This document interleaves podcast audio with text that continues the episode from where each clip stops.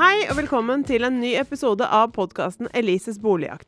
Podkasten Elises boligjakt er et samarbeid mellom Aftenposten, Adresseavisen, Bergens Tidende, Federlandsvennen, Stavanger Aftenblad, Sunnmørsposten og i Tromsø. Jeg heter Synne Hellum Marshøyser og har som vanlig med meg Elise Rønnevig Andersen, som jeg prøver å få inn på boligmarkedet. Og nå har du faktisk vært i to budrunder, Elise. Ja, det gikk jo eh, så som så, det. Hvordan gikk det? Nei, begge Altså, tapte jo begge to, åpenbart. Eh, De gikk vel ca. 150 000 over prisantydning, eh, begge to. Og eh, jeg la vel inn bud på ca. prisantydning. Og det var mitt tak òg, så jeg kan jo ikke gå over det uansett. Nei. Men den første var litt mer øvelse, ikke sant? Du visste at du ikke skulle få den. Ja, den første var litt sånn øvelse for å se hvordan legger jeg inn et bud sånn rent praktisk, egentlig. Men du var litt mer stressa i den andre. Ja, for der maste megleren, eh, ringte meg veldig, og jeg fikk litt inntrykk av at jeg kunne få den. Eh, og det var ikke så veldig mange interesserte med i den budrunden. Eh, men det endte jo opp med å ikke få tak i den, da. Ja. I dagens episode har vi fått eksperthjelp fra en fyr som har vært i veldig, veldig mange budrunder. Velkommen hit, Nils Norvik. Seniormegler og partner i Norvik og Partners. Eh, Vi skal snakke om budrunder i dag. Og annet også reglene, fordi du kan ikke bare legge inn bud når som helst, stemmer det? Det er helt riktig. Du legger ikke inn bud med frist i ti minutter, sånn som man gjør det før i tiden. Nå er det regler man må forholde seg til. Ja, og da er det sånn at hvis det er visning søndag, så har du ikke lov å legge inn bud før første virkedag, altså mandag klokka tolv, med frist til klokka tolv. Eh, Du kan godt legge inn bud eh, på søndag, det er ikke noe problem. Men budet ditt må stå til mandag klokken tolv da. Ja. Altså første virkedag etter siste visning. Ja, så hvis visningen er mandag, så er det tirsdag klokka tolv som er fristen. Det er riktig. Hvis du har visning på kvelden f.eks. mandag, så må budet ditt stå til klokken tolv eh, på tirsdag.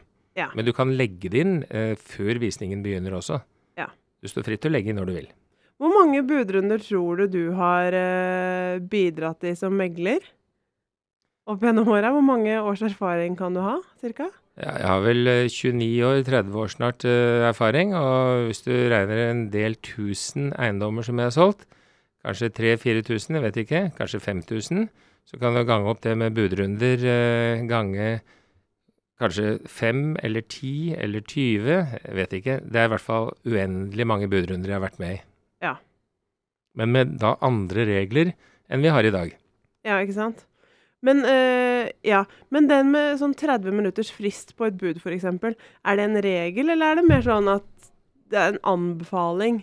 Det er, en, det er en oppfordring, fordi at eh, megleren har en omsorgsplikt for eh, både kjøper og selger. Og for at det ikke skal gå for fort i svingene, så må begge få tid til å tenke, med, og man må få registrert budet, man må få sjekket budet. At finansiering er på plass, og at eh, man har en overtagelse som f.eks. Uh, selger også er komfortabel med. Mm, mm. Men øh, du har jo vært i to budrunder, Elise. Elise. Og da begynte meglerne å ringe deg ganske tidlig på morgenen. Ja, det var vel før jeg Så, så vidt før jeg hadde stått opp. eh, De mm, er flinke til å ringe og mase på eh, om jeg er interessert eller ikke. Jeg vet ikke helt hva jeg skal svare på de eh, telefonene, men eh, Nei, det er liksom litt vanskelig det der. Man har jo i teorien god tid, ikke sant? Alle bu budene som blir lagt inn har jo frist med til klokka tolv. Ja, og Da er det veldig mange som eh, tenker som så, jeg venter til klokka halv tolv, kvart på tolv, og så legger jeg igjen et kort bud. Nå skal jeg klabbe til og se om jeg får den. Men i utgangspunktet så er ikke det alltid den beste måten å gjøre det på. Eh, fordi det, det kan bli litt hektisk, det kan bli litt, eh, kanskje litt for mye auksjonsstemning, eller det kan hende at eh, du legger et bud som også er for lavt, og, og så vil ikke selger akseptere det, så stopper det opp. Så det er, det er ikke noe sånn 100 psykologi i dette her, hvordan man skal gjøre det for å kunne sikre seg en bolig. Men jeg tror det Altså når, når meglerne ringer deg klokken ni om morgenen f.eks. på mandag, eller halv ni, og lurer på skal du legge inn bud, så er det spørsmål er det, har det vært 20 stykker på visningen, har det vært 50 stykker på visningen. Hvis det har vært veldig mange, så prøver de å sortere ut hvem som er interessert, og om du er interessert i å komme med noe bud. mm. Så det er klart at det, Har du 30 stykker på liste, og du vet at det er 10 du kan jobbe med, så blir det en bedre måte å jobbe på også.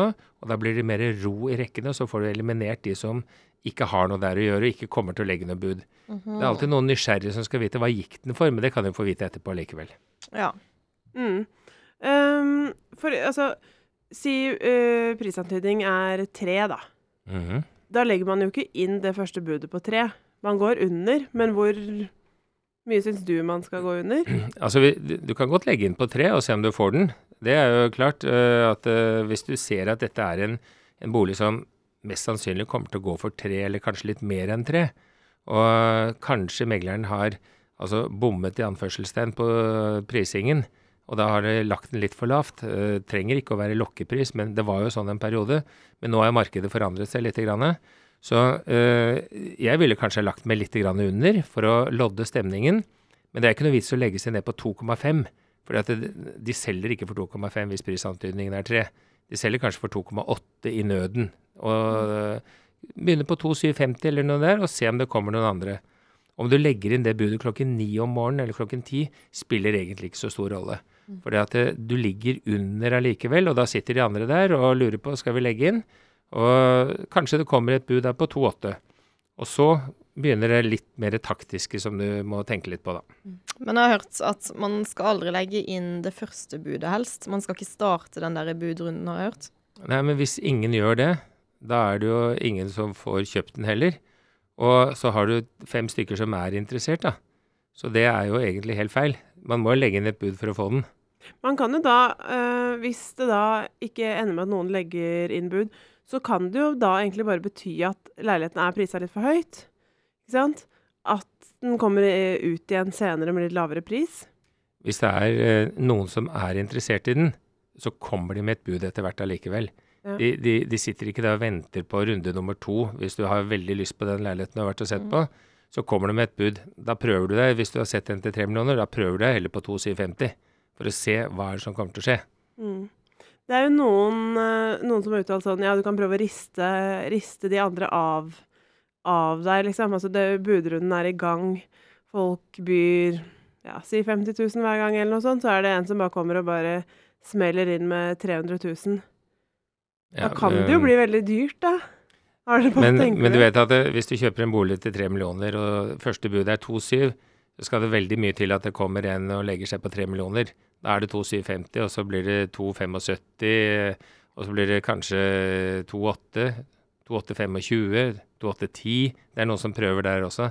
Det er alltid noen som går ti og ti om gangen, bare for å prøve å se om de kan få den på det.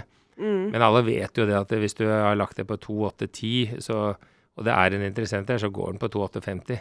Ja, altså hvis den går på altså Hvis du legger inn et bud på 2810, altså du går opp 10 000, det må jo også Jeg tenker ofte at det betyr ja, nå har det mennesket snart ikke noe mer å gå på. Altså det er liksom Nå begynner vi å gå på neste lønn innen budene, liksom. Ja, kanskje, men på en annen side, hvis den er ute etter tre millioner, og det er flere budgivere, så faller nok noen av de der som er på neste lønn av. Men, eh, men så er det de som da går på heller 2850, og så går du på 29, 2950 osv. Men har du men så, så kommer det over litt på det her at hvis du har høyeste bud på 2950, da, da, da hadde jeg ikke lagt eh, 2960. Mm. Der legger du 3 millioner. Mm. Og hvis det er limiten din, så gjør du det. Og ferdig med det. For det, det er mange som går til hele tall. Går du til 3 millioner, det er det jeg har. Går du til 2,8 eller 2,9, så ligger de der også. Har du 2,8, så har du kanskje 2,850. Men hvis det er limiten din, så, så vet du at du strekker deg ikke så veldig mye over det. Men på tre, da er liksom Der er du mål. Mm. Men så kommer nestemann da, og legger 3 millioner og 10. Da må du begynne å tenke. Har du en tante eller onkel eller foreldre som kan gi deg 50 000 til, da er du på 3050. Mm. Og da har du ristet av han derre tieren. Antageligvis. Men så er det jo eh, Man blir jo noen ganger litt ivrig. Ikke sant? Når skal man gi seg? Eh, Du skal alltid ha et tak når du legger eh, Når, du byr på en bolig. Ja. Eh, Du, du må alltid ha beina på jorda, og så må du tenke som så at hvor langt skal jeg strekke meg? Og det vet du litt før du begynner. Og hvis du ser at den boligen begynner å galoppere av gårde, så kommer det nye boliger. Og det kommer stadig nye boliger. Da må du, da må du ha veldig, veldig lyst på den hvis du skal strekke deg forbi liksom komfortsonen. Men du, du skal ha råd til å betale det etterpå også, og det er veldig viktig. Ja, Og så skal du ikke fortelle deg som megler hvor mye du har å gå på heller.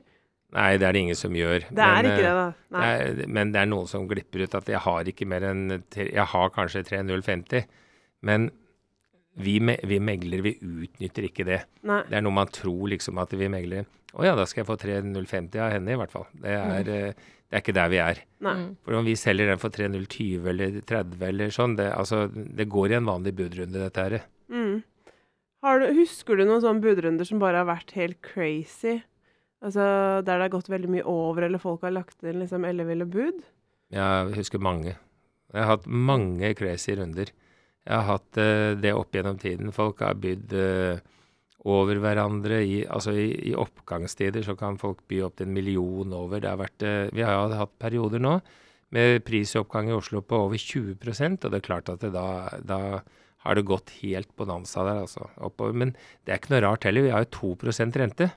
Mm. Hvis du kjøper en bolig til 3 millioner kroner, da, og du tenker bare renter, så er det 60 000 i året. Det er 5000 i måneden. Og så er det fellesutgifter på to, da er det 7000 i måneden.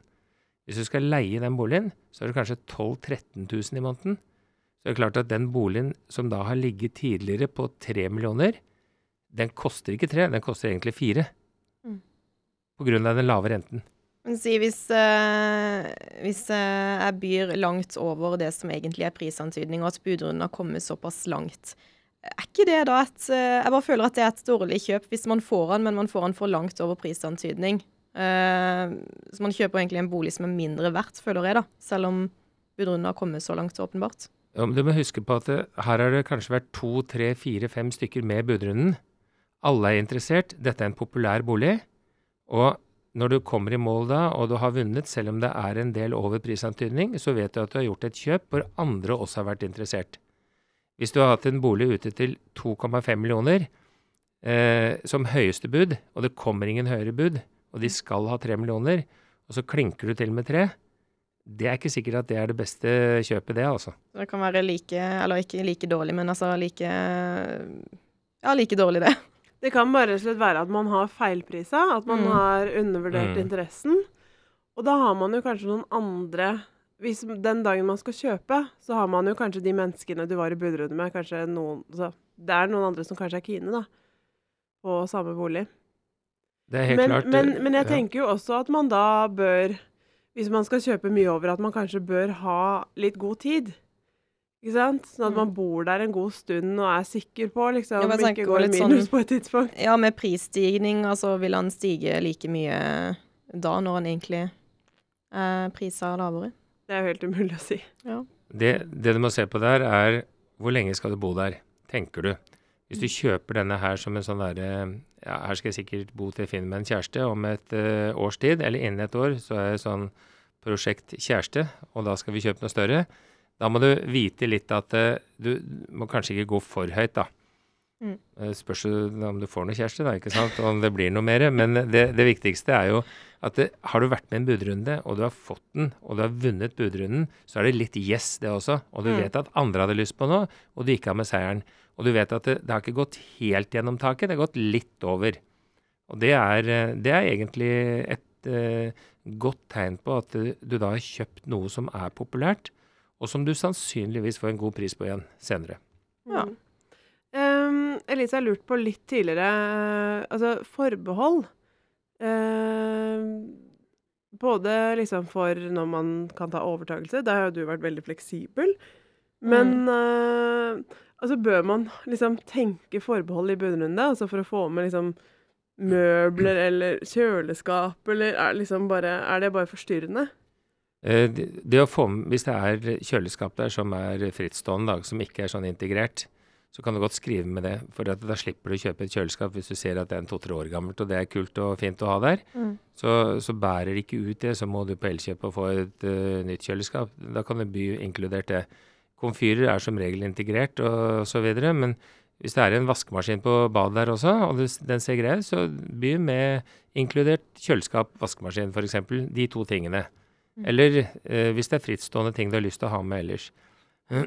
hvis de har sagt at eh, vi kan godt selge denne her møblert, det hender noen sier det også.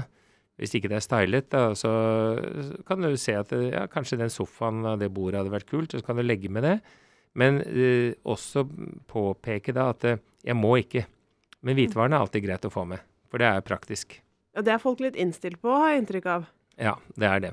Ja. Så det er alltid greit å få med de tingene der. Det er det. Andre forbehold som finansiering f.eks., det, blir- det blir problematisk i en budrunde. Ja, og det du mener nå er jo at øh, du har ikke finansieringa på plass, og så, øh, så går du inn i budrunde uten at banken er helt med, og så legger du inn budet med forbehold om at finansieringa går i orden. Mm. Ja. Det, det er viktig å ha vært i banken på forhånd. Det er viktig å ha et finansieringsbevis. Det er viktig å ha ordnet økonomi. Og du, det er viktig å vite hvor langt du kan strekke deg. Alt innenfor fornuftens rammer, og hvor mye du kan kjøpe for. Og spesielt eh, et sted setter du en grense også. Bør man da også ringe banken og si at nå er jeg i en budrunde? Altså dere, altså Synne ga meg beskjed om at jeg måtte ringe banksjefen min øh, og gi beskjed om at nå øh, er jeg i en budrunde og byr på en leilighet her. Eh, be banken være tilgjengelig i tilfelle megler ringer, og si at eh, jeg er i budrunde, og du vet jo hvilken limit banken setter for deg. Men det er ganske viktig. At du har de hele tiden med, at de er våkne i banken. Mm. Bankfolk er litt sløve enkelte ganger, at eh, de har litt lange lunsjer og sånn. Men det er bare å holde det i øra, få mobilnummeret til saksbehandleren din. Det er litt viktig. Mm. For det, er det deg det gjelder, og, og du er kunde i banken. Og da må du være på pletten. Mm. Sånne praktiske ting som man på en måte må ha på plass, er det jo åpenbart finansiering, men jeg fikk også beskjed om å printe ut passet mitt. øh, Ha det med Det har med sånn trygg budgivning å gjøre. At du skal legitimere deg når du, når du legger inn bud. Ja, så det må man ha på plass. Ja, kanskje spesielt også hvis du skal eh, hvis, det er du, hvis du skal kjøpe med en kjæreste, og den personen ikke sitter på jobben din og er der, og liksom, så må du passe på at du har legitimasjon, og da pass fra begge to. Ja. Mm. Det er bare å vise hvem du er, liksom. Men som regel så vil du ikke legge inn et bud øh, og løpe fra det etterpå. Man vet jo konsekvensen, så det er jo det er viktig å gjøre det på en ordentlig måte. Jeg har alltid sånn angst for om jeg legger inn en null for mye når jeg har, øh, når jeg har gitt bud her, men jeg vet ikke om det er mulig, eller om det fanges kjapt opp. Hvis du skriver 3 millioner, og så skriver du med bokstaver eh, Eller hvis du skriver 30 millioner, Mm. og skriver med bokstaver etterpå 3 millioner, så er det ganske naturlig at det er 3 millioner du byr. Altså, det er det er Jeg tror ikke ja, Du blir nok ikke felt på den. Nei, det er fint. Det er litt kjipt. Ja. Nei, man må holde hodet kaldt. Det er jo fryktelig Altså, jeg syns i hvert fall det er en fryktelig følelse å ha lagt inn budet og vente på det svaret, og det så jeg. Eh, Jeg fulgte nøye med på Elise da hun var i sin første budrunde òg. Det var jo fosterstilling og svetting omtrent og Det er, det er ganske spennende. Jeg har gjort dette her mange tusen ganger. Men jeg har også kjøpt noen leiligheter som jeg har selv og i utleie. Og jeg har akkurat den samme følelsen som dere har. Det har vært i noen budrunder. Du har den Eh, ennå, ja. altså? Ja, når, Ja. når jeg har kjøpt selv, Ja. det er sånn at jeg kjenner det i maven, og jeg har godt av å kjenne hvordan uh, kjøperne har det. Mm, Så, og jeg har vært veldig nervøs selv også. Og får den litt senere når jeg har fått den. Yes. Så det er um, Ja. Det er godt å være på den siden også, og kjenne det. Mm. Tusen takk for at du kom, Nils Norvik, og delte av kunnskapen din. Neste gang kommer kollegaen vår Halvor Ekeland for å fortelle om da han kjøpte med kjæresten, uten å si fra til henne, på en måte. Ja, og hva bør man egentlig tenke på før man gjør et sånt valg? Husk også at du kan høre alle episodene og abonnere på podkasten i iTunes og Spotify, eller så finner du det i våre saker som handler om bolig. Sjekk også ut Aftenposten bolig på Facebook.